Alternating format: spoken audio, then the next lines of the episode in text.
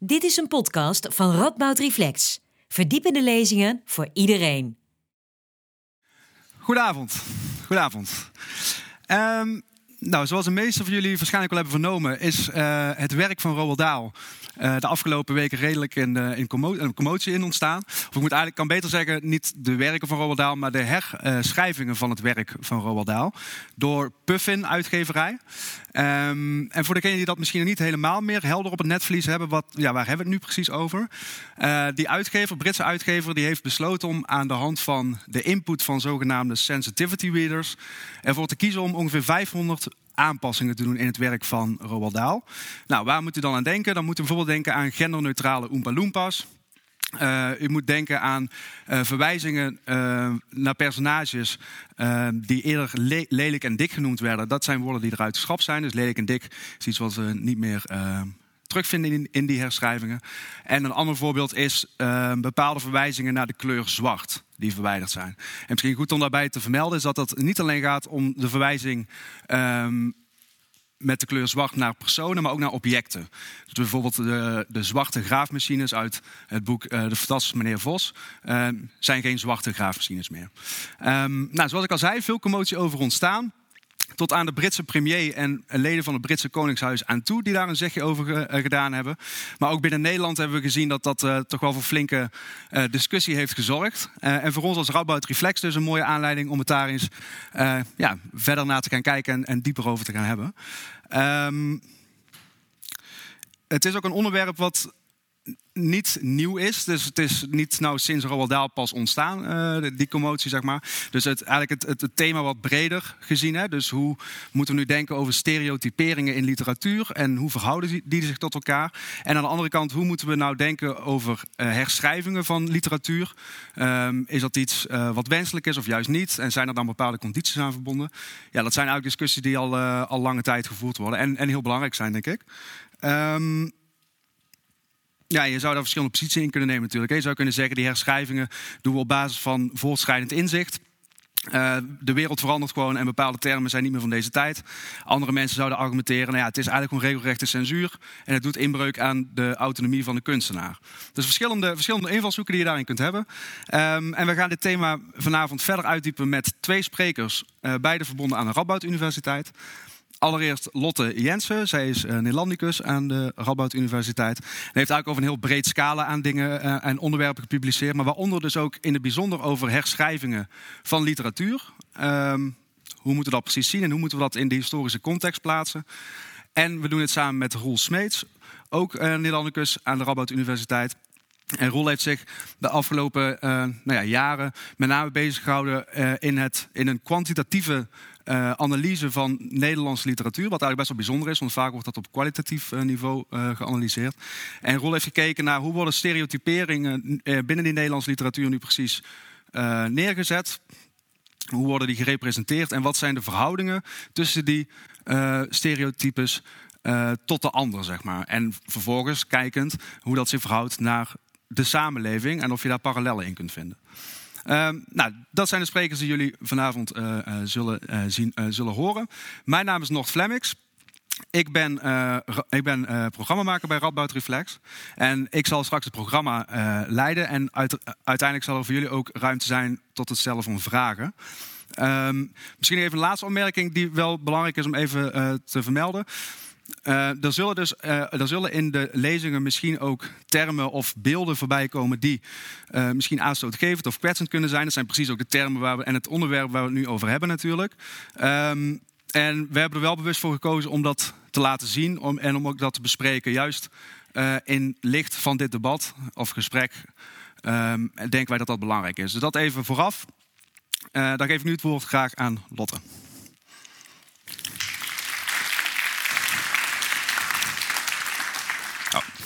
Ja, hartelijk bedankt. Uh, Noord zei het al, de affaire Roald Dahl die heeft de gemoederen flink verhit. En de centrale vraag die op tafel lag was... in hoeverre mag je aanpassingen doen in kinderboeken? En ik wil wel even weten wat voor vlees ik hier in de kuip heb. Dus mijn vraag is, uh, wie vindt dat je aanpassingen mag doen in kinderboeken? Graag uw hand omhoog.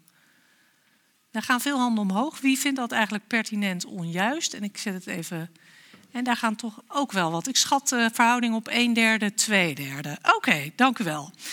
Nou, vanavond proberen we die vraag vanuit een wetenschappelijk perspectief te beantwoorden. Waarmee uh, mijn perspectief dat van de historisch letterkundige zal zijn. Dat is mijn vakgebied. Ik doseer met name 17e, 18e en 19e eeuwse Nederlandse letterkunde. En eigenlijk zijn die kinderboeken van Roald Dahl, um, en die circuleren nog volop, maar eigenlijk zijn ze al best oud, als ik zo vrij mag zijn. De Gremlins dateert bijvoorbeeld uit 1943. De Reuzenperzik uit 1961. Shaki en de chocoladefabriek dateert ook uit 1964. En de Griezels uit 1980. En dat maakt dus het perspectief van historisch letterkundigen heel relevant. Want uh, wij werken dagelijks met oudere boeken, waarvan sommige nog in omloop zijn, zij het vaak in aangepaste vorm. En om te beginnen, het is echt buitengewoon complexe materie. De discussie in de publieke media is min of meer platgeslagen door het te reduceren tot een voor of een tegen. En dan ook nog in heel polariserende termen. Maar zoals met zoveel zaken in deze wereld, zo eenvoudig ligt het niet. En wat vooral problematisch is, is dat we te maken hebben met teksten en illustraties, vertalingen, hertalingen, bewerkingen en we hebben ook te maken met veranderende morele en sociale opvattingen. Maar laat ik u eerst meenemen naar wat ik zelf vroeger las. Ik heb even in mijn, uh, een, een, greep in mijn uh, boekenkast gedaan. En dit zijn mijn favoriete kinderboeken. Twee Deense, Speljaan en Lille Soorde Sambo. En verder een vertaling van Piep Lankaus en het wonderlijke verhaal van Hendrik Meijer. Al die boeken die zijn nog volop verkrijgbaar in de boekhandels en er bestaan talloze edities van. Maar met al die boeken is met de blik van nu wel iets aan de hand. In heel verschillende maten trouwens. Er komen woorden in voor die we nu niet meer zouden gebruiken. Ik herlas deze voorjaarsvakantie het wonderlijk verhaal van Hendrik Meijer. Fantastisch boek nog steeds mijn echte favoriet als het gaat om Roald. Daar kwam ik weinig in tegen, wat ik met de blik van nu zou schrappen overigens. Op één woord na, en dat was het woord inboorlingen. Daarvan dacht ik, dat zouden we nu niet meer zo gebruiken.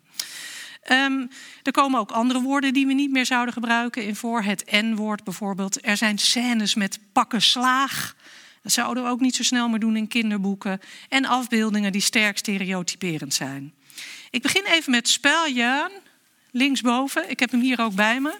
In een moderne editie. Ik heb ook de oude uit 1944 helemaal stuk gelezen. Deens kinderboek, echte Deense klassieker. Het is nog volop verkrijgbaar in de Deense boekhandels. Dateert oorspronkelijk uit 1944 en het gaat over een jongetje dat de hele dag vragen stelt. Zijn ouders die worden er helemaal gek van. En op een gegeven moment is zijn vader het zo zat dat hij hem een flink pak slaag geeft en dan moet hij naar bed. Maar dan gaat hij weer door met vragen stellen als hij in bed ligt. En dan is de vraag die hij dan stelt: maar waarom kreeg ik vandaag geen pannenkoeken? En de allerlaatste vraag die hij stelt is dan: waarom heb ik nu zo'n pijn in mijn billen? Conclusie, en hij trekt de conclusie zelf, hè, zelflerend vermogen bij dat kleine jongetje.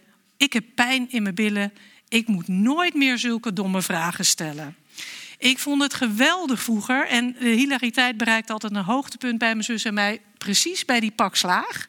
Dus voelden wij die spanning al helemaal oplopen. Oh jee, oh jee, oh jee, gaat een pak slaag krijgen. En de hele tijd vraagt die kleine jongen, spel Jan, vraag Jeroen of vraag Jurgen.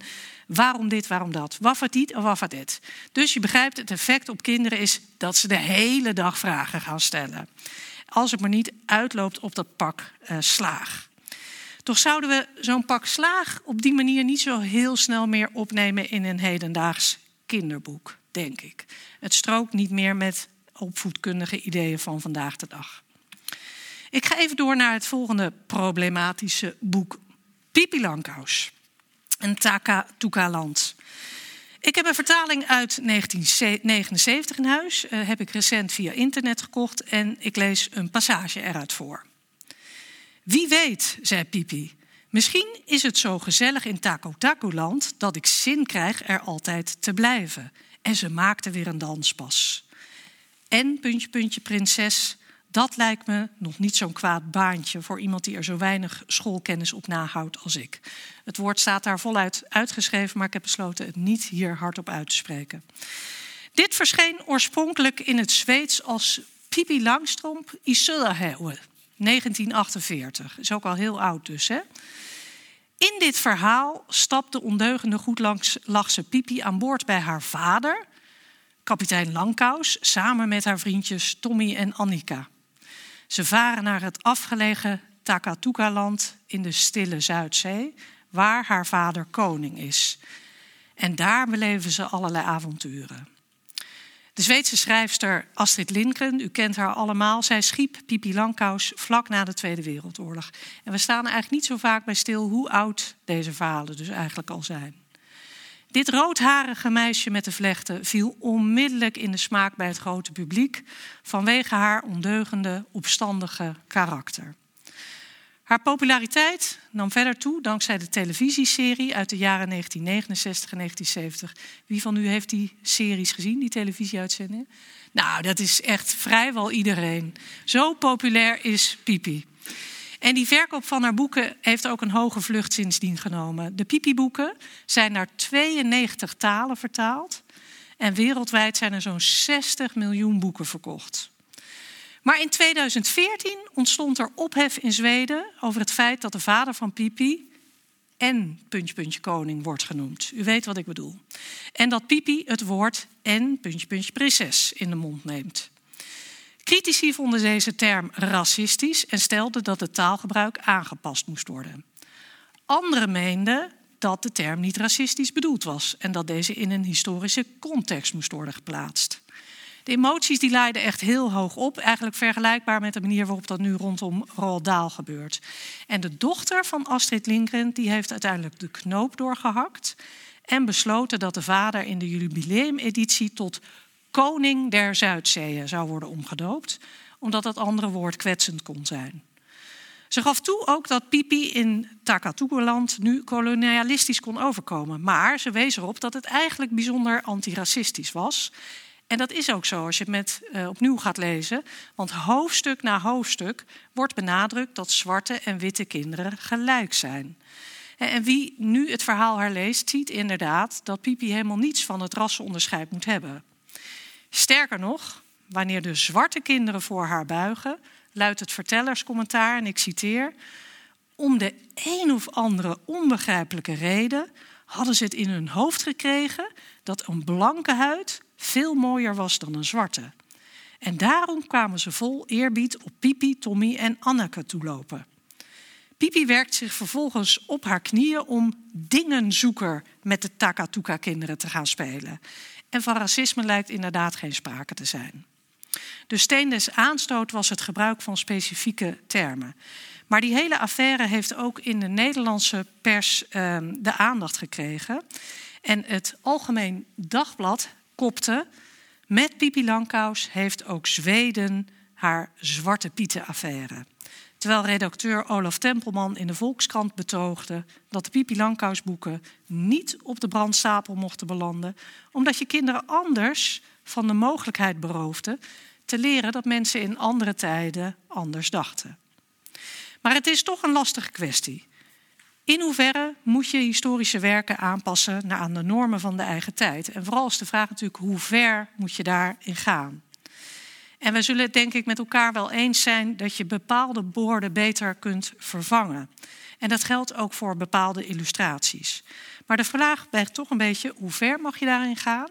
En het problematische is natuurlijk ook het duurzame karakter van die boeken. Want met één klik op internet had ik de editie van 1979 thuis bezorgd op de deurmat. En ook is er zoiets als fictionele inhoud. En dat maakt de discussie ook niet gemakkelijker. Toch durf ik als literatuurhistoricus de stelling wel aan dat er verschillende manieren zijn om boeken geschikt te maken voor nieuwe generaties lezers. Waarmee je zowel recht kunt doen aan de historiciteit van de tekst als de mogelijke gevoeligheden die, bij deze, die, die bij uh, deze bepaalde groepen kan oproepen. Maar boeken moeten wel een tweede leven kunnen krijgen en daar heb je wel aanpassingen soms bij nodig. Je kunt dan bijvoorbeeld ook nog kiezen voor een onderbouwd commentaar bij die uitgaves. In elk geval is het als voor het perspectief van een literatuurhistoricus van heel groot belang om ook die eerste edities en originele edities te bewaren, omdat dat echt historische tijdsdocumenten zijn. Ik zet even uh, in heel sneltreinvaart um, type edities op een rijtje. Dit is wat wij onderscheiden als historisch letterkundigen. En dat kan wel helpen om die discussie over Roald Dahl inzichtelijker te maken. Um, u ziet hier op een rijtje zijn wat je zo al hebt. Je hebt natuurlijk de originele uitgave. De tekst waar het allemaal mee begint. De tekst die ook door de auteur eigenlijk, zou je kunnen zeggen... Uh, waar de auteur zijn handtekening onder gezet heeft. Dan kunnen volgende drukken uh, van die tekst worden gedrukt. En daar kunnen herzieningen in zijn gemaakt. Het zij door de auteur zelf, dan zijn het ook weer geautoriseerde uitgaven, of door een, uh, door een uitgever. Iets anders is als je een editie uitgeeft. Daarvan bestaan weer verschillende soorten en maten. Je hebt zoiets als een diplomatische editie. Dat is echt de tekst naar de oorspronkelijke uitgave.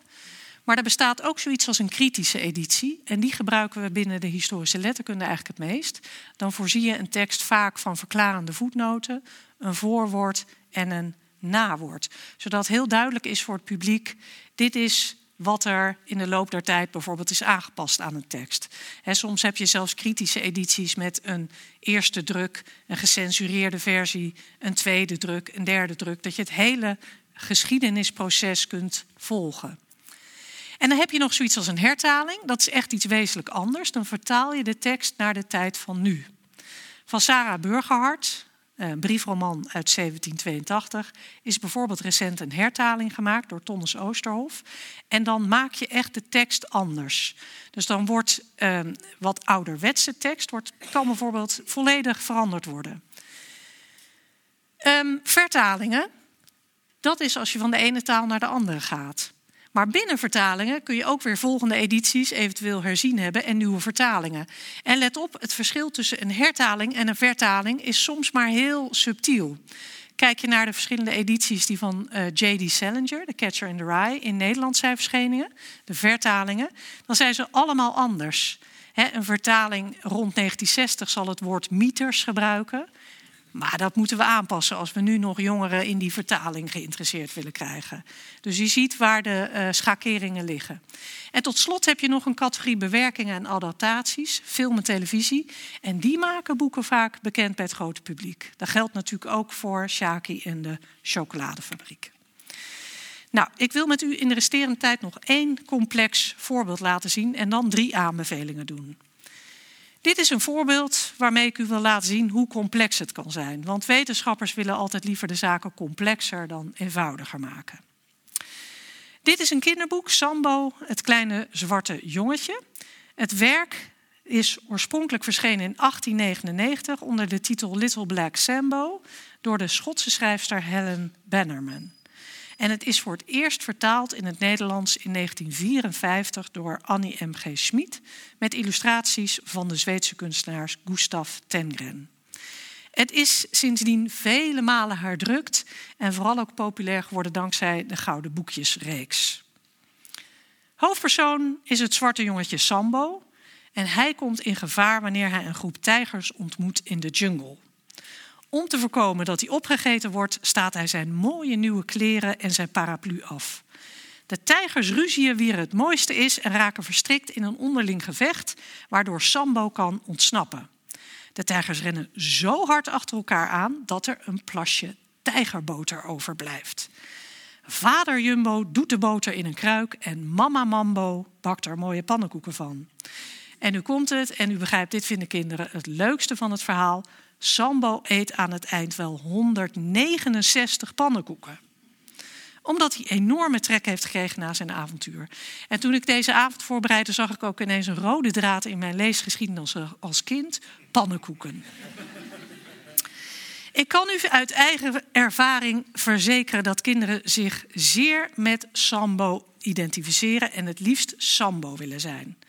Die gigantische stapel pannenkoeken geeft natuurlijk de doorslag. Maar we voelen ook allemaal wel aan dat het in het huidige tijdsgewicht de nodige vragen oproept.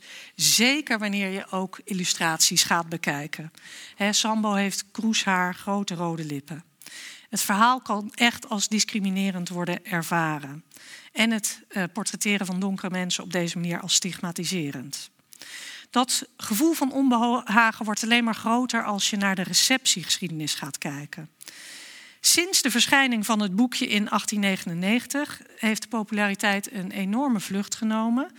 Totdat er in de jaren 1930 al stemmen opgingen dat het racistisch was. En met name die naam Sambo die zorgde voor negatieve associaties. In de Verenigde Staten werden zwarte kinderen voor Sambo uitgescholden nadat het boekje was voorgelezen in een klas, met als gevolg dat er een anti-Sambo-campagne op gang kwam. En vervolgens zijn er allemaal herziene versies uh, geweest, waarbij eentje um, heel uh, sterk veranderd was. Toen kreeg het Afrikaanse jongetje een Indisch uiterlijk, dat ziet u daar uh, voor u rechts. En de naam werd ook aangepast, niet langer Sam, maar Little Rajani heet het jongetje hier. Het doet denken aan die Roald discussies Hè? En als gezegd verscheen de eerste Nederlandse vertaling in 1954, ruim een halve eeuw nadat de originele versie was gepubliceerd. Opmerkelijk genoeg zijn de hoofdrolspelers in deze editie nog nadrukkelijker zwart. Het werk opent als volgt. Er was eens een jongetje en hij heette Sambo en hij was pik, pik zwart. Het kinderboek werd in de jaren 1970 in de ban gedaan, omdat het politiek incorrect werd bevonden. En in 19, 2001 werd het, let op, nog ongewijzigd uitgegeven, heruitgegeven in de reeks Gouden Boekjes. De uitgeverij Rubinstein te Amsterdam had bewust gekozen voor een ongewijzigde versie. Uit respect voor de originele boekjes die zij als een onderdeel van het Nederlandse culturele erfgoed beschouwden. Desgevraagd lichtte Dick Broekman van de uitgeverij toe dat hij de inhoud niet racistisch achtte. En hij kreeg enkele jaren later bijval van columniste Sylvia Witteman, die het boekje van Zolder had gehaald en met veel plezier dit herlezen had. Haar hernieuwde kennismaking leidde tot de conclusie dat het heel empowering was, dat schreef zij. Want Sambo en zijn ouders gedroegen zich immers niet als bezwaarlijke zwarte stereotypen. Integendeel, ze waren slim en inventief. En schrijft ze, ach, die namen, Sambo, Mambo en Jambo. Zegt ze, ach, kwikkwekker, kwak, Suske en Wiske, dat zijn ook niet bepaald heldennamen. Maar wat opmerkelijk was, er was niet veel ophef in Nederland hierover. Maar in Amerika woedt de discussie nog altijd voort. Het is een uitermate problematisch kinderboek daar. En we zien hier ook een duidelijk cultuurverschil. Eenvoudig is het dus allemaal niet. En uh, dit boekje, ik laat deze illustratie nog even zien, is nog volop verkrijgbaar in de Deense boekhandels. Ik heb niet gecheckt hoe het in Nederland is, maar tot mijn verbazing zag ik het vorig jaar gewoon nog in de etalages liggen. Uit heel populair kinderboekje nog steeds. En ik begrijp dat je daar je vraagtekens bij kunt plaatsen. Um, intussen is het allemaal niet eenvoudig met al die vormen en tussenmaten, edities, vertalingen, hertalingen, bewerkingen. Het komt allemaal voor uh, en het is tijd voor een conclusie. Drie aanbevelingen. Eerste, één. Historisch letterkundig onderzoek is belangrijk en nuttig om de editiegeschiedenis van dit soort uitgaven in kaart te brengen. Ik adviseer vooral ook het handboek over editiewetenschap naar de letter van Marita Matthijssen erop na te slaan. Het is gratis beschikbaar op de DBNL. Hoe een onderzoeker of een editeur te werk kan gaan. In de kwestie Roald Dahl was een voorwoord of een nawoord bij de aangepaste edities niet zo'n gek idee geweest. Daar zitten ingrepen in die misschien niet zo erg zijn. En eentje vond ik erin bijzonder leuk, namelijk dat Mathilda ineens Jane Austen leest. Vond ik eigenlijk. Oh nee, Jane, was het Jane Austen of Jane Eyre? Wie weet het nog? Hoe dan ook, ze was overgegaan naar feministische lectuur en liet Rudolf Kipling voortaan liggen. Jane Austen? Jane Austen was het, hè? Ja. Ah, oké, daar komen we vast nog op terug. Hoe dan ook, er zijn verschillende type aanpassingen. Eerste aanbeveling, historisch letterkundige hebben we dus nodig om verschillende edities goed in kaart te brengen. Tweede uh, conclusie, en specifiek voor de daaldiscussie. Uh, Breng die wijzigingen goed in kaart en maak duidelijker om wat voor soort uitgaven het gaat. En dat kan via een voorwoord of een nawoord, maar de lezer weet dan in ieder geval dat hij niet het origineel in handen heeft. Derde conclusie en de laatste opmerking, en die staat hier ook uitgeschreven.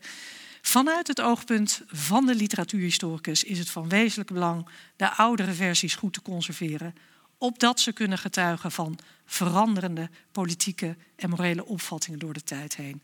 En u kan zeggen, deze kleine vraag, Jurgen Speljan, heeft toch een warm plekje in mijn hart. Want als hij mij iets leerde, dan was het ondanks dat pak slaag toch ook om altijd vragen te stellen. Dank voor uw aandacht.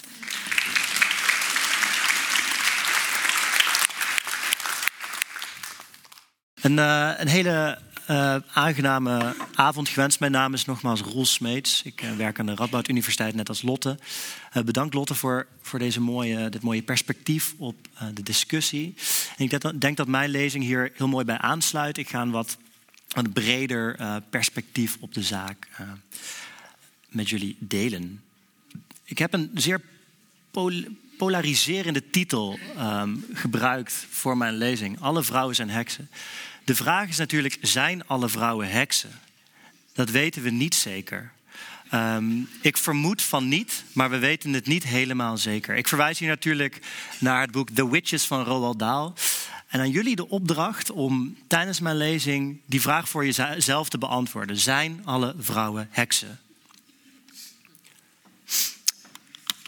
Als onderzoeker van literatuur probeer ik mijn persoonlijke mening zoveel mogelijk te scheiden van de analyses die ik uitvoer hier aan de Radboud Universiteit. En natuurlijk heb ik een mening, um, zoals u vast ook heeft. En ook bij Roald Dahl heb ik allerlei gedachten, gevoelens, herinneringen, associaties. Net als Lotte ook heeft bij dat jongetje waarvan ik de naam even niet kan uitspreken, dat Deense jongetje met die pannenkoeken. Maar voor Roald Dahl eh, speelt een rol in mijn leven. Zijn verhalen zijn voor mij, net als voor, voor velen, een van de eerste kennismakingen met de kracht van fictie. Maar, en daar komt het, als onderzoeker van literatuur gaat het mij niet om die vervoering die ik ervaar bij literaire werken, zoals, die, bij, zoals bij die van Daal. Sterker nog, um, die persoonlijke mening die wantrouw ik omdat, ze in, omdat die in de weg kan staan van de wetenschappelijke studie van literaire teksten. Dat is wat wij doen hier aan de universiteit. Noord noemde het net al even, de gespreksleider, dat Anders dan gebruikelijk in de literatuurwetenschap werk ik voor een groot deel getalsmatig.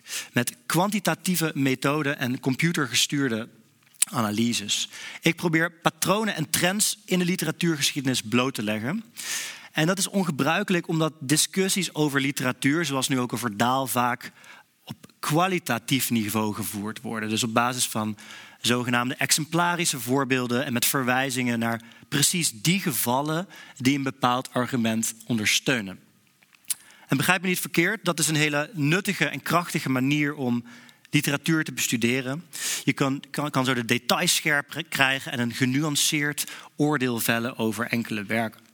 Door bijvoorbeeld de heksen van Roald Dahl heel nauwkeurig te analyseren, kunnen we de subtiliteiten, de suggesties, de multidimensionaliteit, de verborgen betekenissen, etc. daarvan blootleggen. Bijvoorbeeld over de manier waarop vrouwelijkheid wordt afgebeeld via de figuur van de heks in dat boek. Hoe sterk is die associatie tussen vrouwelijkheid, hekserij en kwaadaardigheid in dat boek? Is het ironie? Is het hyperbolisch? Of is het een gevaarlijk stereotype? Dat soort vragen kunnen we heel mooi beantwoorden door enkele werken heel gedetailleerd te lezen. Maar als we bredere, generaliseerbare uitspraken willen doen over hoe literatuur werkt en hoe de literatuurgeschiedenis in elkaar zit, dan is het daarnaast, dus niet als vervanging, maar daarnaast ook nuttig om te tellen. Heel simpel te tellen. Om computers te gebruiken en statistische analyses los te laten op niet een paar literaire werken, maar op heel veel, op tientallen, honderden, duizenden boeken. In het licht van de discussie over Daal is dat interessant omdat het ons inzicht kan geven in hoe representatie werkt. Want daar hebben we het vanavond over, deze term representatie, oftewel hoe iets of iemand wordt afgebeeld in dit geval in literatuur, maar het kan ook in film, theater, etc. zijn. representatie is natuurlijk veel breder dan het oeuvre van Roald Dahl. Het doel van mijn lezing vanavond is om in iets bredere zin iets te zeggen over representatie aan de hand van enkele analyses die ik met de computer heb uitgevoerd.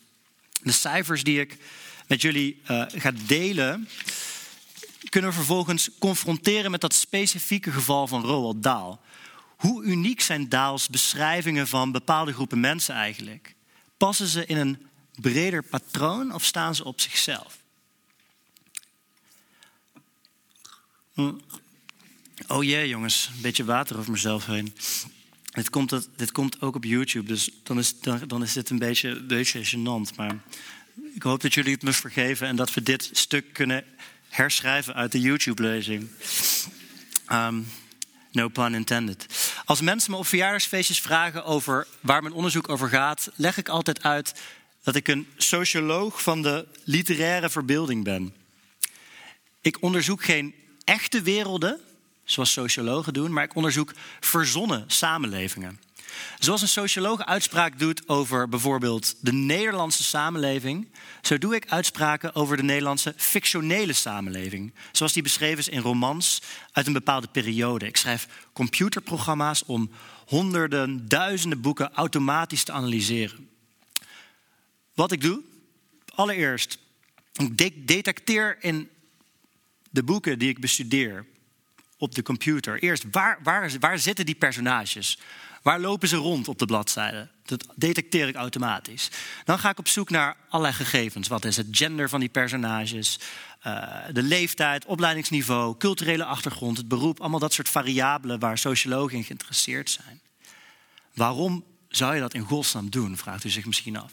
Nou, met zulke cijfers kun je in de eerste plaats iets zeggen over zichtbaarheid. Wie zijn de personages uit een bepaalde periode van de literatuurgeschiedenis? Wie worden er überhaupt ten tonele gevoerd en wie niet? Wie krijgt een podium, een stem? En wie verdwijnt er juist in de marges of tussen de regels van een boek?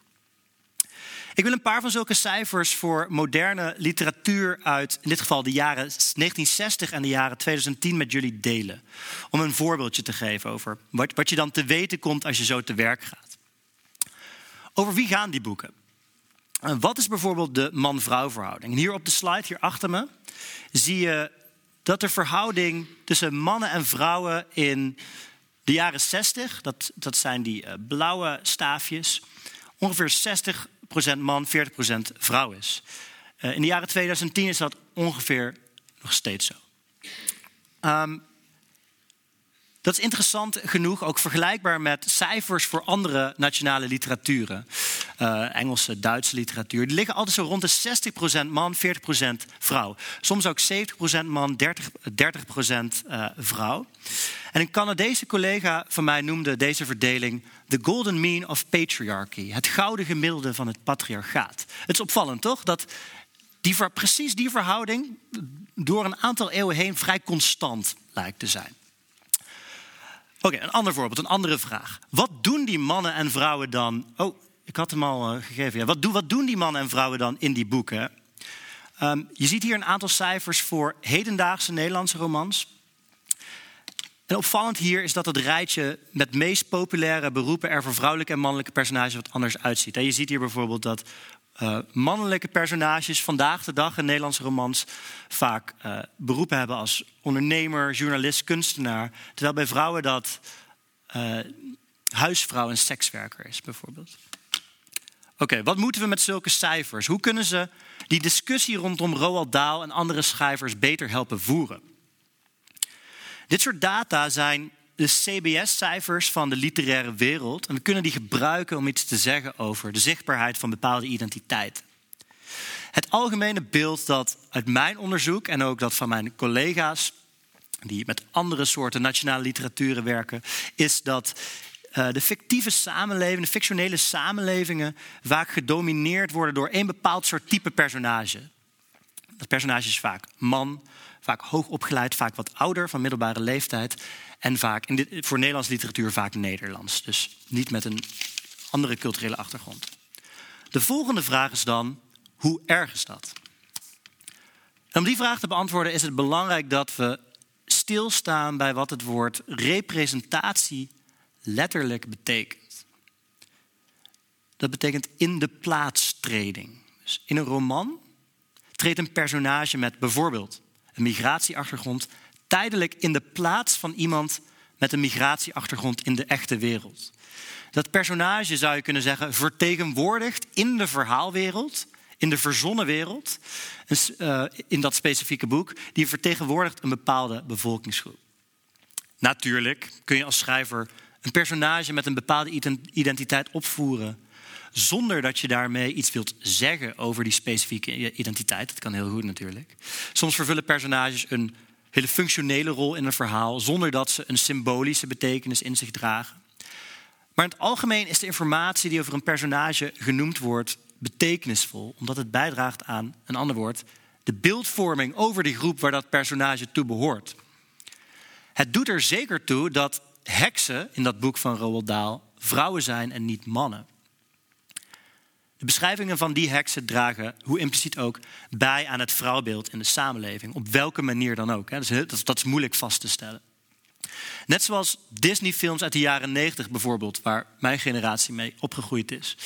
Uh, waarin je leidzame, beeldschone prinsessen ziet die wachten totdat ze gered worden door knappe, dappere prinsen. Um, dat, dat draagt ook bij aan het beeld van genderrollen waar mijn generatie mee opgegroeid is. Ik heb, een, ik heb twee dochters, een daarvan is vier en die, die leest dit verhalen ook. En het is opvallend dat veel meisjes vandaag de dag nog steeds graag prinses willen zijn, bijvoorbeeld. Hè? Tegenwoordig vaak Elsa van Frozen die een bijzonder ander soort prinses is dan Sneeuwwitje bijvoorbeeld. Maar dat even terzijde. Oké, om de rijkwijde van de term representatie nog beter te begrijpen, moeten we ook stilstaan bij een aanverwant begrip. Stereotype. Lotte heeft het daar net al even over gehad. Een stereotype is een vorm van representatie die reductionistisch is, gesimplificeerd, eendimensionaal. Een stereotype brengt iets of iemand terug tot een beperkt aantal factoren, waarvan de suggestie is dat die factoren kenmerkend zijn voor de groep die het personage vertegenwoordigt. Neem bijvoorbeeld het stereotype van het islamitisch-extremistische personage, dat we terugzien in bijvoorbeeld Teerza van Arno Groenberg uit 2010 en VSV van Leon de Winter uit 2012. Ik weet niet of u die boeken gelezen heeft, maar daar komen twee personages in voor. Dat zijn personages die islamitisch zijn en extremistisch.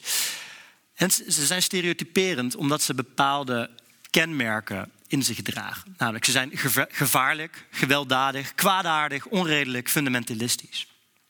En door dat soort kenmerken te verbinden aan de islamitische religie, dragen schrijvers bij aan het stereotype van de islamitische extremist.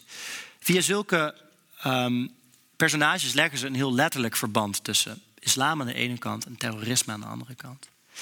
In de werkelijkheid is dat verband natuurlijk niet zo sterk als zulke stereotypes doen vermoeden. Niet alle moslims zijn terroristen, natuurlijk. Zoals ook niet alle vrouwen heksen zijn, vermoed ik.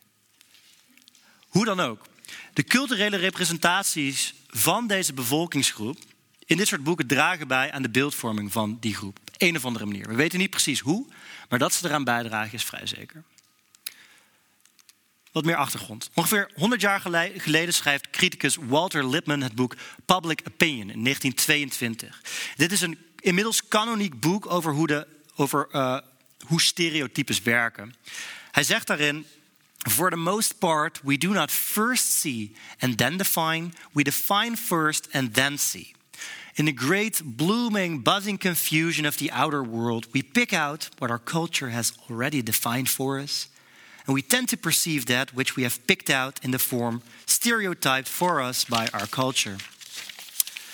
We zijn geneigd om ons wereldbeeld te baseren op de stereotypen die onze cultuur voortbrengt, stelt hij Lipman.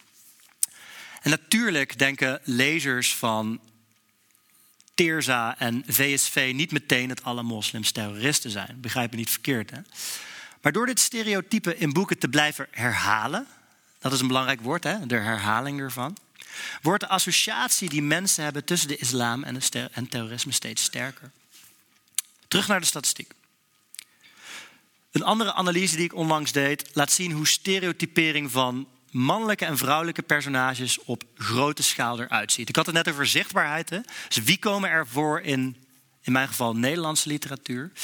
Uh, in deze studie onderzoek ik de manieren waarop mannelijkheid en vrouwelijkheid in de taal verankerd zit. Dus welke woorden worden er gebruikt om over mannen te schrijven en over vrouwen te schrijven? Ik laat jullie nu wat cijfers zien uh, van een analyse die ik gedaan heb voor romans uit de vroege jaren 60, Nederlandse romans. Um, de vraag die daar centraal staat is: welke woorden worden er gebruikt om te schrijven over respectievelijk mannen en vrouwen in een bepaalde periode? Ik ga jullie de technische details besparen. Ik zal één uitkomst met jullie delen.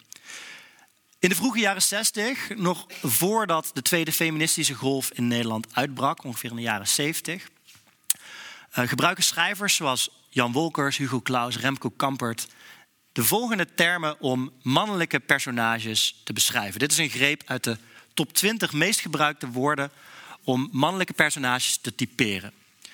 Uh, nou, sommige zijn een beetje vreemd. Briesen, tegenstander, aanvoerder, bedrieger, broekspijp, geleerde, vulpen, geweer, geniaal, ambtenaar. Ik ga deze niet één voor één voor jullie interpreteren. Dat mogen jullie zelf doen. Uh, maar ik wil ter vergelijking de meest gebruikte woorden laten zien voor vrouwelijke personages in diezelfde periode. Dat zijn deze woorden. Toilettafel, slet, jurk, werkster. Poederen, breien, verstelwerk, snikken, avance, flauwvallen, hooggehakt.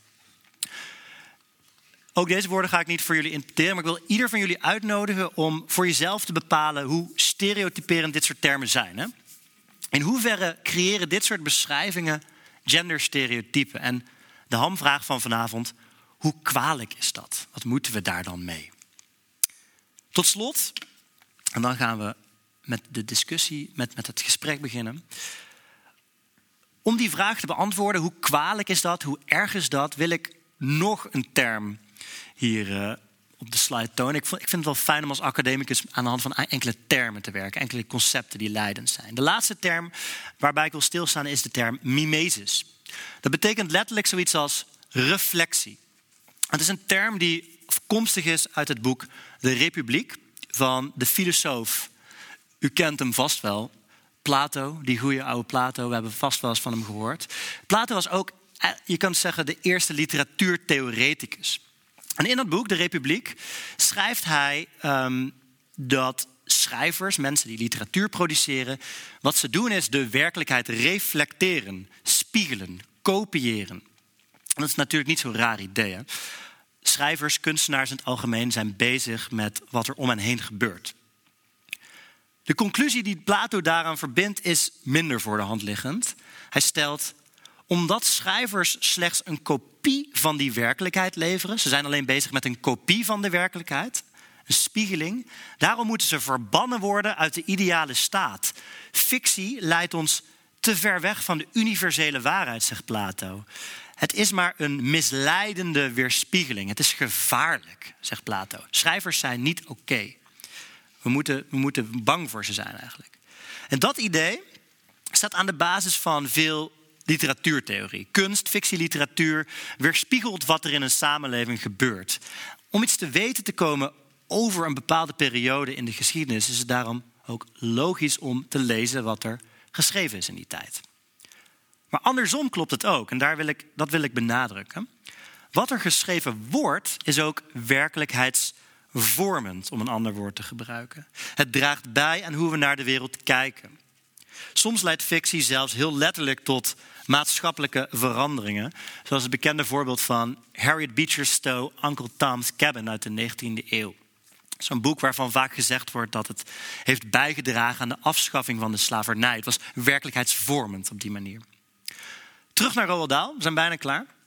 We kunnen zijn boeken lezen als een reflectie van wat er speelde in de periode dat hij ze schreef. Zeg maar de jaren 50, 60, 70, 80. Daarnaast hebben ze boeken die sociale werkelijkheid eveneens gevormd. Veel van ons hebben die boeken gelezen. Het heeft iets met ons gedaan. Het heeft ons beeld van de wereld mede vorm gegeven. Heel concreet, de manier waarop hij over bijvoorbeeld vrouwen schreef, zegt mogelijk iets over het al dan niet dominante vrouwbeeld in de tweede helft van de 20e eeuw. Zijn stereotypen hebben bovendien bijgedragen aan de beeldvorming van bepaalde groepen mensen. En nee, niet alle vrouwen zijn kwaadaardige heksen, dat weten we hopelijk wel. Maar de associatie tussen vrouwelijkheid en kwaadaardigheid is een hele sterke. Uh, die is terug te voeren tot Adam en Eva, zou je bijna kunnen zeggen. Een soort constante in de cultuur. Het is onderdeel van een patroon dat zo diep geworteld is dat het moeilijk is ervan los te komen. En dat heb ik net ook laten zien aan de hand van dat soort cijfertjes. Hè. Dat zie je dan heel mooi terug. Dat dat soort termen zoals slet bijvoorbeeld zo, zo ehm, nauw verbonden zijn aan vrouwelijkheid in de jaren 60. De kracht van fictie is juist dat schrijvers met zulke vastgeroeste patronen kunnen spelen. Dat is het mooie eraan. Ze kunnen het becommentariëren, persifleren, parodiëren, etc. Tegelijkertijd, en dit is iets waar we dadelijk in de discussie ook over gaan hebben, denk ik. Fictie bestaat niet in een vacuüm afgesloten ruimte. Het is onderdeel van de sociale werkelijkheid. Het is geen autonoom domein dat losgezongen is van de wereld. Het staat er middenin en het heeft een werkelijkheidsvormend potentieel. Dat heb ik uh, net willen benadrukken ook. Het repliceren van stereotypen is daarom niet zonder gevolgen. En schrijvers hebben misschien dan ook wel een verantwoordelijkheid. Welk doel dient een bepaalde representatie? Is het een stereotype? Hoe belangrijk is het in artistiek opzicht dat bepaalde kenmerken verbonden blijven worden met bepaalde groepen mensen? Zijn alle vrouwen wel heksen?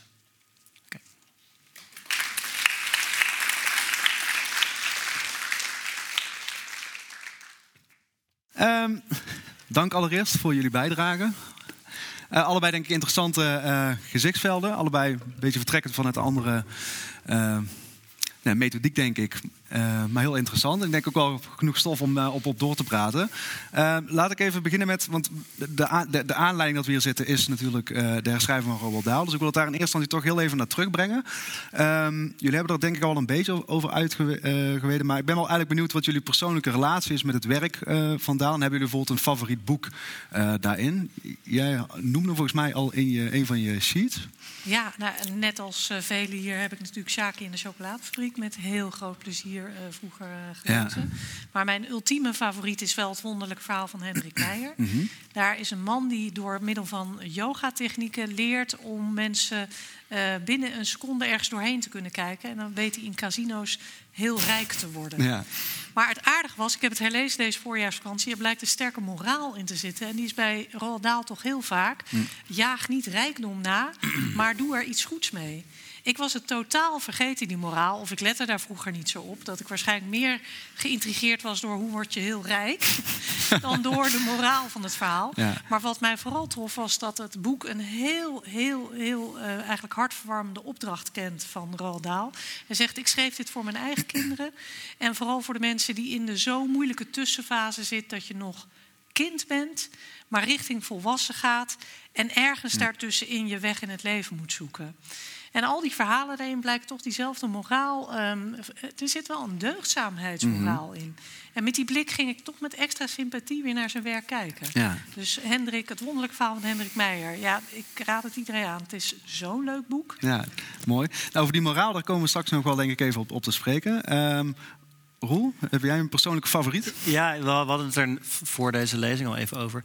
Mijn favoriet uh, boek van Roald Dahl zijn vooral zijn korte verhalen voor volwassenen. Hij heeft een aantal van die hele lugubere, macabere verhalen, bijvoorbeeld, die me altijd uh, zijn bijgebleven. Bijvoorbeeld het verhaal over een vrouw die haar man vermoordt met een lamsbout, die ze daarna kookt voor de politieagenten die op zoek zijn naar het moordwapen. En de laatste zin van het verhaal is: The weapon could be right under their noses. daar, daar, zit ook een moraal. En de, de vraag is: wat voor moraal zit? Mag je iemand vermoorden? En je niet verantwoordelijk daarvoor zijn. Ja, Dus die moraal in die volwassen literatuur wat anders dan in die, in die kinderboek. Maar die, in die kinderboek is dat vrij duidelijk vaak. Hè? Ja, en uh, want, want um, Roel, jij hebt in je onderzoek, heb jij je ook, als ik me niet vergis, voornamelijk gericht op volwassen literatuur? Klopt dat? Ja. Geen kinderliteratuur denk ik opgenomen. Nee. Um, stel je zou ervoor kiezen om dat wel te doen. Ja. Zou, past dat, zou dat in jouw methodiek passen? En zo ja, wat zou jouw verwachting zijn uh, in de uitkomst daarin? Denk je dat je dan dezelfde patronen zou terugzien? Of, of denk je dat dat anders zou zijn? Een groot verschil natuurlijk is dat er veel meer jonge personages voorkomen in, in kinderboeken. dus de gemiddelde leeftijd zal drastisch zakken. Ja, de gemiddelde leeftijd in hedendaagse Nederlandse romans ligt zo rond de 40, 30 jaar. Ja. Uh, niet toevallig de leeftijd vaak van die schrijvers ook. En de gemiddelde leeftijd in de kinderboeken zal als een stuk lager liggen. Ik verwacht ook dat er qua diversiteit wel iets, een ander beeld. Dat heeft te maken met het feit dat kinderboekenschrijvers vaak veel nadrukkelijker bezig zijn met die representatie en die stereotyperingen. Er zijn vaak veel, er zijn ook vanaf de jaren zeventig allerlei werkgroepen geweest hè, om heel goed na te denken over inclusiviteit in kinderverhalen. Mm. Dus ik verwacht eigenlijk dat er bijvoorbeeld meer personages met migratieachtergronden voorkomen. Ja, ja. Ja oké. Dus, dus, je zou kunnen zeggen in die zin dat het wat moraliserender is en misschien wel vooruitloopt op, op bepaalde uh, ontwikkelingen in de samenleving. Nou, dus ja, dan... Moraliseren vind ik een lastig woord, omdat er een soort normatieve component achter zit. Maar ik denk, als we het hebben over die term mimesis, die ik net zei, waar ik net over had, reflectie. Het is een. Um, het reflecteert beter, denk ik, de tijdsgeest. Het, ja. of de normen en waarden die we, waar we het met z'n allen steeds meer over eens zijn. Ja. Denk ik, hoop ik. Oké. Ehm, ja, Lotte, jij, jij hebt je uh, juist, heb ik, dat, dat beeld kreeg ik erbij, uh, heel expliciet ook met kinderliteratuur bezig gehouden. Hè? Naast jouw uh, werk uh, op, um, ja, voor volwassenenliteratuur, zeg maar. Um, zou je kunnen uitleggen waarom eigenlijk? Waarom, waarom het lijkt dat kinderliteratuur voor jou een expliciete, sta, ja, een expliciete status krijgt... of dat, je dat in bijzonder relevant vindt? Nou, waarom? vooral als uh, historisch letterkundige ja, precies, ja. Uh, besteden we wel aandacht aan het ontstaan van kinderliteratuur. Mm Want dat is relatief uh, nieuw, zou je kunnen zeggen. Het komt op aan het einde van de 18e eeuw in Nederland. Met als doel ook echt om kinderen op te voeden. Tot volwaardige burgers van de Nederlandse samenleving.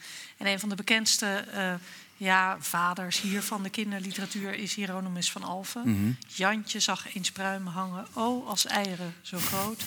Scheen dat Jantje wou gaan plukken, schoon zijn vader het hem verbood. Mhm.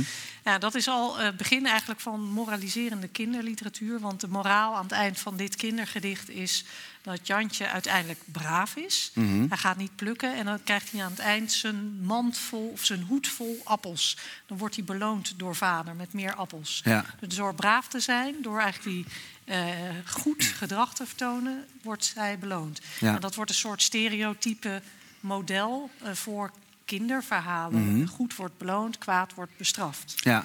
Uh, en daar kwamen toen trouwens ook heel succesvolle vrouwelijke auteurs op. Margaretha Combon van der Werken schreef een bestseller, mm Kleine Grandison. Um, en die literatuur, dat is uh, de bodem, de voedingsbodem voor een hele nieuwe categorie lezers in mm. die tijd. Ja. Dus je vindt dan ook de eerste jeugdtijdschriften, die dateren uit het einde van de 18e eeuw. En in de 19e eeuw krijg je weer een nieuw soort roman. En dat is de historische jeugdroman. Dus dan gaat de doelgroep 12 tot 18 ook heel expliciet aangesproken worden. Mhm.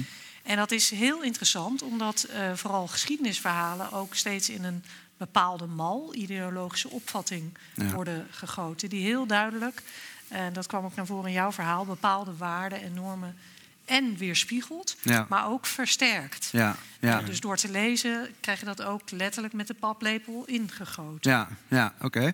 En, en denk je dat. Uh, als we dan wat meer toespitsen op die herschrijvingen, uh, zou, je kunnen zou, je, zou jij stellen dat er daar andere maatstaven voor zouden gelden voor kinderliteratuur uh, ten aanzien van volwassenenliteratuur? Moet je, dat, moet je dat op een andere manier toetsen, denk je? En, en ja, waarom wel, waarom niet? Ja, dit is natuurlijk de hamvraag en ook een hele ingewikkelde vraag. Dus in principe, in principe denk ik dat er niet per se verschillende maatstaven voor gelden. Mm Maar je gaat aan de slag met een originele tekst en je doet daar iets mee. En dat moet je eigenlijk verantwoorden. Ja. Want dat is een ingreep in de originele tekst. Ja. En ik moet zeggen dat ik het ingewikkelde aan de daaldiscussie vind... dat we volgens mij nog steeds niet een heel precies beeld hebben van de ingrepen die er ja. uh, hebben plaatsgevonden. Mm -hmm. Op welk niveau is het nou precies gebeurd? Jij noemde net 500 aanpassingen. Ja, ja klopt inderdaad. dat uh, getal? Want het, uh... Weet je meer dan wij? Uh, blijkbaar. Uh, dit ben ik tegengekomen in mijn research vooraf. Ik moet je de bron even schuldig blijven. Ik denk dat er vanuit de uitgever... Er zijn volgens mij journalisten die wel contact hebben gehad met de, uitgever, uh, met de uitgeverij die dat heeft benoemd. Maar het klopt inderdaad dat er wijzigingen... Er zijn wel wat dingetjes duidelijk geworden wat, wat ze nu precies hebben gewijzigd. Maar het is wel nog vrij vaak. Zelf, uh, aanvankelijk was ik ook helemaal verbaasd en boos. Wat? Uh, ingrepen in Roald Daal, dat kan niet en dat mag niet. En van alle dik allemaal in enorm gaan veranderen. Maar je gaat toch niet zeggen, oh die vrouw is enorm of die man is enorm. Dan wordt het ook heel stereotyperend. Dus ik was er, uh, ik dacht aanvankelijk Mordicus tegen. En toen kwam er een ander artikel in de Volkskrant.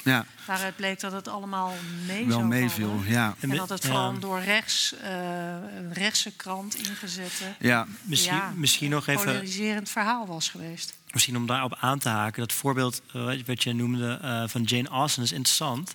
Dat komt ook in dat artikel van Loes Rijmer uit de Volkskrant, denk verwijs je naar. Hè? Ja. Um, er wordt gezegd dat, dat, dat Mathilda nu ineens Jane Austen leest. Hè, dus een vrouwelijke ja. schrijver in plaats van alleen de grote mannelijke schrijvers. Dus ook een bewijs van het, uh, de wereld is doorgedraaid. Alles, ja. alles is woke geworden. Ja. Uh, en het is ook interessant hoe die, de, de, het mediacircus hiermee aan de haal is gegaan. In dat artikel volgens mij wordt ook duidelijk dat Mathilde altijd al Jane Austen las, eigenlijk. Er zat, volgens mij zat, er zat een boekenlijst bij of ja. zo. die, was die, een ja. logische ingreep. Ja. Ik zeg, kon ik om die ingreep nog wel gniffelen? Ik dacht, mooi. Mathilde, een beetje feministischer. Maar toen realiseerde ik me ook, nee, dit, dit staat haaks op wat ik verder zelf eigenlijk vind. Ja, ja, ja. Dus uh, een beetje paradoxaal. Maar... Uh, eigenlijk hebben we dus wel nood aan meer en duidelijker overzicht hiervan. Want het is duidelijk dat de media vooral deze uh, discussie hebben doen oplaaien. En dat mm -hmm. we de mhm. proporties ervan enigszins uit het oog zijn ja. verloren. Ja. De schuld van de media. Ja, want om zeg maar, actueel te blijven. En het is heel bijzonder dat we de werken van Roald Dahl nog steeds lezen. Mm -hmm. Echt 90% van de kinderboeken is op zeker moment uit de tijd, gedateerd, ouderwets. Ja. Wie leest nu nog uh, dagelijks, nou noem een schrijver uit 1920... En die zal vergeten zijn. W.G. van der Hulst ja. is ook niet meer zo populair als in de jaren 70. Dus dat is wat er normaal gebeurt. En het is juist heel bijzonder dat schrijvers als Astrid Lindgren, mm -hmm. Roald Dahl, uh, iedere uh, veranderend tijdsgewicht lijken te overleven. En dat heeft wel iets te maken met de fantastische verbeeldingskracht die ook in die werken zit. Ja. En toch, en dat is een vraag aan jou, en dat heeft volgens mij toch ook iets te maken met de stereotypen die ze gebruiken. Ja, zeker. Dus ik, ik, die, die titel van mij, hè, die, die Alle vrouwen zijn heksen, is, is, een, is een, die heeft meerdere lagen. Hè. Dus aan de ene kant dat, dat, dit verwijst naar dat voorbeeld van de witches natuurlijk. Hè, waar, waarin, er staat le heel letterlijk zelfs in dat boek volgens mij... er staat niet alle vrouwen zijn heksen, maar er staat alle heksen zijn vrouwen. Wat, wat iets heel anders is. Hè. Ja toch wordt daar de, de, de, associatie tussen, tussen vrouwelijkheid en hekserij of kwaadaardigheid gelegd. Mm -hmm. Maar wel niet op een zo'n één op één manier. Hè? Dus juist het spelen met die stereotypen doet Roald Dahl heel, heel nadrukkelijk. En dat is ook een van de redenen waarschijnlijk dat zijn, zijn werk nog steeds zo, uh, ja. zo, zo, zo, zo krachtig is. Wat niet uh, afdoet van het feit dat die associatie nog steeds gelegd wordt. Dat is het complexe eraan. Hè? Je kunt spelen met een stereotype, maar dan alsnog dat stereotype opvoeren.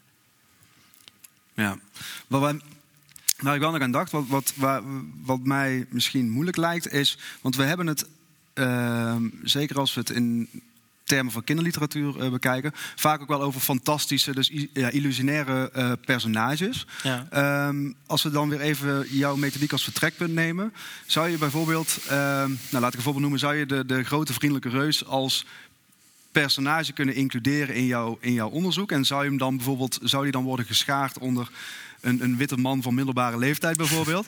Want het probleem wat ik daar dan in zou kunnen zien eventueel... is dat je, dat je misschien tot de conclusie zou kunnen komen... nou ja, hij heeft een, een aanzienlijke afstand tot de arbeidsmarkt. Maar dat heeft misschien eerder te maken met dat hij een reus is... in plaats van dat hij uh, een, een, een, witte man is van middelbare leeftijd. Hoe, hoe kijk je daarnaar?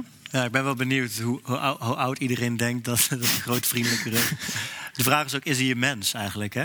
Ja, ja inderdaad. Is, als een socioloog uh, de vriendelijke, grote vriendelijke reus tegen zou komen... zou die in ieder geval moeite hebben om te klassificeren. Ja, ja, ja. Uh, ik ben ook benieuwd hoe hij het op een, op een sollicitatiegesprek doet, inderdaad. Uh, maar dit, dit, dit, raakt wel aan de kern van, aan een spanningsveld tussen die kwalitatieve en kwantitatieve methode waarin mijn onderzoek zich bevindt. Ja. Um, als je gaat tellen, als je literatuur gaat klassificeren, ook met een computer op grote schaal gaat werken met cijfers en literatuur, dan sla je onvermijdelijk die literatuur plat. Dat, dat doe je heel bewust. Je zegt: oké, er is hier een heel complex literair werk, een kunstwerk. We respecteren die complexiteit. Maar nu kijken we even alleen naar uh, deze variabelen. Ja. Uh, Zo'n geval als de grote vriendelijke reus zou ik dan een outlier noemen. Dus die past niet helemaal in dat model. Nee. nee, nee Want is het een mens, is het geen mens? Ik neem, is, een, is een dier een personage? Ja. Nou, kun je allerlei antwoorden op, op verzinnen. En dat doe ik allemaal op een heel, uh, heel nauwkeurige en integere manier. Ja, precies. Um, maar inderdaad, dus, dus, dat is lastig om, daar, om daarin te, in te pakken. En het, laat meteen ook zien dat literatuur zich soms wil verzetten tegen dat soort patronen. Ja, ja. De grote vriendelijke reus is niet, niet bejaard, ook niet een vaderfiguur, maar iets daartussenin of helemaal niet. Het, het, is fluïde. Ja, ja inderdaad. Ja, ja. ja oké. Ehm, ik zou nu wat meer willen ingaan op, op de. En als we het dan weer even over die herschrijving hebben, over de legitimiteit daarvan. En ik zou nou eigenlijk willen starten vanuit het, um, ja, met de vraag van wie is die tekst nu eigenlijk? Um, want een argument wat in ieder geval ik vaak voorbij hoor komen is... Um, tegen, de her, tegen de herschrijving van literatuur is dat uh, men zegt... Nou, je gaat hier eigenlijk aan de autonomie van de kunstenaar zitten morrelen... Die een oorspronkelijke intentie en, en, bedoeling en betekenis in die tekst heeft gelegd. Uh, en het is eigenlijk niet aan ons, de lezer, de samenleving, om daar inbreuk uh, in te doen. Wat is jullie kijk daarop? Nou, Interessant is dat in onze vakgebieden, literatuurwetenschap, letterkunde, de auteur ook voor heel lang voor dood is verklaard. Dus Inmiddels leeft hij weer, toch? Hij is weer tot leven gewekt. en hoe? Uh, wat mij vooral fascineert is in deze daaldiscussie, is de vraag ook waarom werden we allemaal zo boos en collectief zo boos? Waar kwamen we precies aan? Wat was dan die heilige ja. graal waar je niet aan mocht uh, zitten? En dat heeft volgens mij iets te maken ook wel met uh, toe-eigening van zo'n tekst en dat het ident identi uh, hoe noemen we dat? een identiteitsmiddel is. Ja. Iedereen gaat zich toch verhouden tot een tekst. Het wordt onderdeel van je. En soms is het ook zelfs nationaal cultureel erfgoed. Mm. Dat zie je bijvoorbeeld bij een schrijver als H.C. Andersen, de sprookjesschrijver. Die met zijn sprookjes eigenlijk ook ja, een, een, een cultstatus heeft in Denemarken. Mm. En daar moet je ook beslist niet het in je hoofd halen om aan die teksten te gaan morrelen. Mm. Neem niet weg dat je ze in verschillende varianten kunt uitgeven hè, en, en oorspronkelijke spelling kunt aanpassen. Maar je kunt onmogelijk het einde van de Kleine Zeemeermin gaan aanpassen of herschrijven. Ja. Tenzij je het echt adaptatie noemt en er een Walt Disney film van maakt. Daar kun je heel ver in gaan in uh, aanpassingen. Ja. Ehm, maar je vraag was, van wie is die tekst? Nou ja, inderdaad is het hè, de autonomie van, van, van, de, van, de, van de auteur... en eigenlijk in, misschien wel kunstbreed van de kunstenaar, zeg maar. dat het ook een economisch en cultureel product is. Want uh, eigenaar van de teksten van Roald Dahl is nu Netflix. Ja, inderdaad. Ja, ja. dus daar is het eigendomschap overgegaan... na de dood van de auteur op de erfgenamen... die het ook weer vervolgens hebben verkocht. Ja. Uh, maar je raakt wel aan een kern als je vraagt... Uh, ja, waarom... Uh, aan wie moeten we recht doen bij herschrijvingen en aanpassingen? Ja. Dus ik vind het, vind het sowieso het is opvallend dat je hebt het over, over de autonomie van de auteur een aantal keren. Een, een, een, een, kunstenaarsideaal dat we terug kunnen voeren tot de 19e eeuw. Het idee dat de kunstenaar een soort geniale geest is die um, iets geniaals produceert en dat ook doet in, op, een, op een manier die losgezongen is van die werkelijkheid. Mm. Op een of andere manier. Het is opvallend dat dat ideaal nog steeds um, leidend lijkt te zijn in, in die commotie ook. Het idee van dat we, dat, we, dat we tornen aan de autonomie van die kunst als we daar hedendaagse normen op, op projecteren. Ik vind, vind ik opvallend dat hm. dat een vrij oud ideaal is, maar nog steeds leidend lijkt te zijn. En volgens, maar volgens mij ging deze discussie vooral ook over eigentijdse morele opvattingen hm. en waarden. Ja. er werd een discussie gevoerd uh, via die teksten over uh, of literatuur al dan niet inclusief moet zijn. Uh, Hoe ver je mag gaan met de aanpassingen was eigenlijk niet eens een vraag over die teksten zelf, maar volgens mij ook over de samenleving. Ja, ja. Uh, dus het zegt heel veel, die discussies zeggen ook heel veel, uh, houden onze spiegel voor over onze eigen tijdse preoccupaties. Ja, ja inderdaad. Ja. Uh, daar kom ik zo nog even op terug. Ehm, ik, ik, even nog door op dit thema. Um, ik heb me laten vertellen dat in Spanje bijvoorbeeld het bij wet verboden is om uh, teksten aan te passen zonder de toestemming van de auteur. Ook niet postuum bijvoorbeeld. En het is wel mogelijk, je mag wel uh, je mag teksten aanschrijven, maar dan moet het dus heel expliciet een, um, bij vermeld zijn uh, dat het om een herschrijving gaat. Volgens mij is dat in Nederland anders geregeld. Jij gaf volgens mij ook een voorbeeld van hè, de dochter van, um, ja, die inderdaad um, ja, daar uiteindelijk het recht over had. zou dit een wet zijn die jullie in Nederland wenselijk zouden vinden op die manier? Je zou zeggen, nou, er zijn, er zijn uh, aanpassingen mogelijk. Uh, ja, ik geloof dat zoiets als auteursrecht wel heel belangrijk is. Want tot ver in de 19e eeuw was dit niet geregeld in Nederland. Met als gevolg dat plagiaat meer regel dan uitzondering was. Mm. Dus mensen konden gewoon elkaars teksten kopiëren, verhaallijnen uh, uh, jatten. Zeg maar, Jacob van Lennep is een van de grootste dieven uit de letterij genoemd. Ja. Omdat hij gewoon zijn ideeën van Walter Scott haalde, daar een Nederlands sausje over goot. Ja. dat was het beeld. En die praktijken wil je toch echt voorkomen. Hm. Ja, dus ik vind die Spaanse wetgeving wel heel interessant, ja. die je daar noemt. Ja, ja sowieso wijziging zonder op een of andere manier met, met, met die auteur of de erven te communiceren is sowieso onwenselijk en gebeurt volgens mij ook niet. Dat is mhm. zeer onrealistisch. Hè. Zo, zo werkt dat ook niet. In het geval van um, Roald Dahl is het inderdaad wat je net, wat, wat jij net noemde, Lotte ook relevant dat die erven in dit geval ook een financieel belang daarbij hebben. Hè? Want je wil niet de rechten verkopen van een auteur aan Netflix die te boek staat als moreel niet zo zuiver, bijvoorbeeld. Ja. Um, ja, dus dat aspect zit daar ook nog in natuurlijk. Ja, nou dat, dat raakt een beetje aan, aan, aan het, nou, het laatste set aan vragen zeg maar, waar ik uh, ga op uit wil komen. Dat, dat, dat schuurt hier aan. En dat zou ik eigenlijk willen introduceren met een citaat van, van jou, Lotte. Wat ik ben tegengekomen in een, uh, een publicatie van jou over Pippi Lankhuis en het zwarte uh, jongetje Sambo.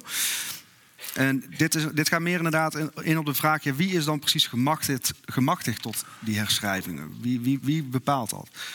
Um, jouw citaat is wat, wat nu te doen met Vondel en Beets? Moeten we beide schrijven. Je legt dan eerder in het artikel uit, of in de publicatie uit, dat uh, ja, je daar om allerlei redenen bedenken bij kunt hebben. Hetgeen wat, wat ze geschreven hebben. Uh, moeten we beide schrijvers met terugwerkende kracht uit de kanon weren. Zou het Vondelpark omgedoopt moeten worden en het standbeeld van Vondel naar een museum moeten verhuizen? En dat is een vraag die je daar dan stelt, ook, ook terecht denk ik. Um, en mijn vraag is, is eigenlijk tweeledig daarin. Uh, want je spreekt, en dat, ik denk dat dat in algemene zin in, in deze uh, discussie wordt gedaan, in, in, in, de termen van we. Moeten we beide schrijvers met terugwerkende kracht uit de kanon leren? Uh, en die, die we die associeer ik persoonlijk met, met we de gemeenschap, we de collectief, uh, het collectief. Besluiten we om boeken te gaan herschrijven.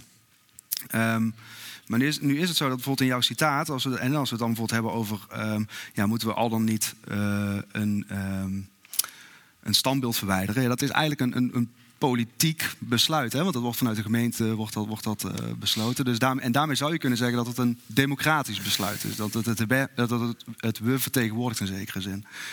Um, de situatie waar we nu in zitten heb je uh, de uitgever, wat een commerciële partij is inderdaad. Ja, die eigenlijk op grond van die sensitivity readers, de input daarvan, zegt van ja, uh, wij, wij, gaan die wijzigingen doorvoeren. Dus mijn eerste vraag zou zijn, um, na een hele lange introductie, excuus daarvoor.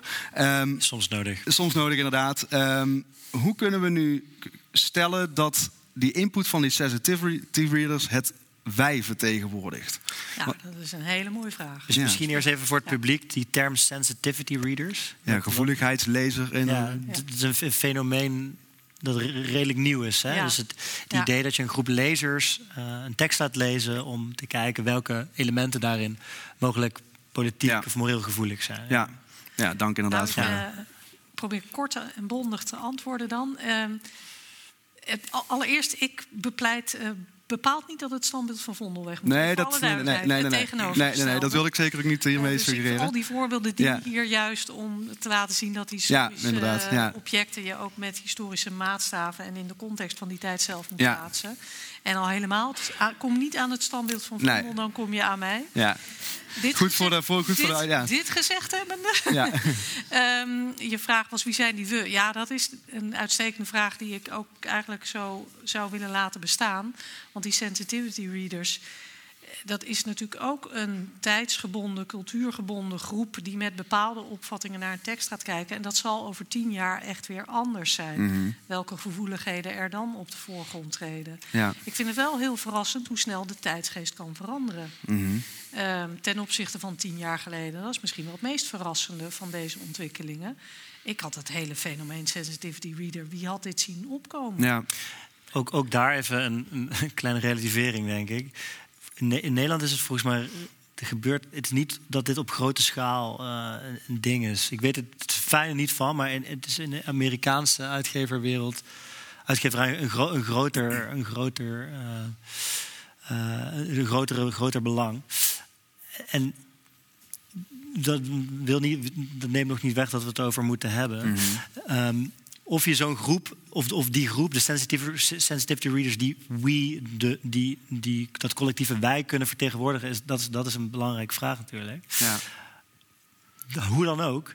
ehm, wie, dat, wie dat bepaalt maakt, denk ik, minder uit. Interessanter is het feit dat we die teksten gebruiken om die maatschappelijke discussie überhaupt te voeren. Ja. Ik Ja. denk dat het heel mooi is dat we, dat we zulke teksten als die van Down aanleiding kunnen laten zijn om te praten over, eh, over gender, ras, kolonialisme, et cetera. Mhm.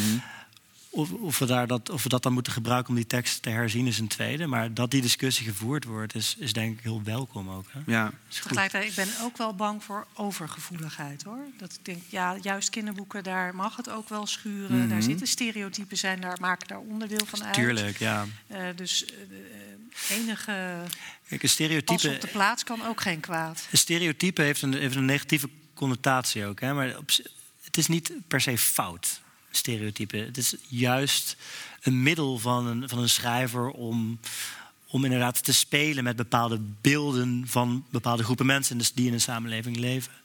Ehm, toch kan het wel qua daar, een, een, een gevaarlijk zijn in de zin dat het ehm, te reductionistisch is en bepaalde beelden blijven, blijft herhalen. Zonder dat dat literaire spel daar zo van belang is. En in het geval van Roald Dahl, ik ben daar zelf niet uit hoe dat daar werkt. Ik weet niet hoe jij daarover over denkt. Ja, ik maak me daar eigenlijk helemaal niet Ja. zoveel zorgen over. En eigenlijk soms ook niet zo heel erg over het tere kinderzieltje. Dat eh, Hm. door eh, stereotypen helemaal niet meer een soort eh, bredere kijk op de wereld zich kan ontwikkelen. Het is toch relatief goed gekomen, ook met veel mensen die hier in de zaal zitten. Ja, maar er, er, er, zijn, ook nog, er zijn nog, nog steeds relatief veel maatschappelijke problemen hier. Dat klopt. Maar zal, zal de kinderliteratuur die maatschappelijke problemen oplossen, denk je? Nee, zeker, maar het is wel onderdeel ervan, toch?